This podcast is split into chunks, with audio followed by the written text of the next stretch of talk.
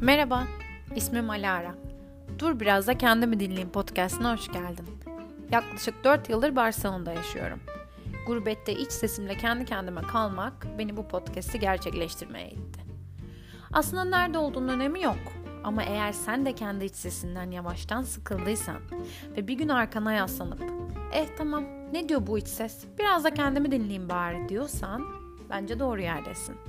Kendi kendime konuşacak, seninle paylaşacak çok konum var. Bazen insan kendi düşüncelerinin sesini kısar, bir başkası aynı şeyi söyleyince yeniden cazip gelir iç ses. Bakalım benim iç sesim sana iyi gelecek mi? Belki de kendini şöyle bir dinleyip kocaman sarılma vaktin gelmiştir. Hadi başlayalım.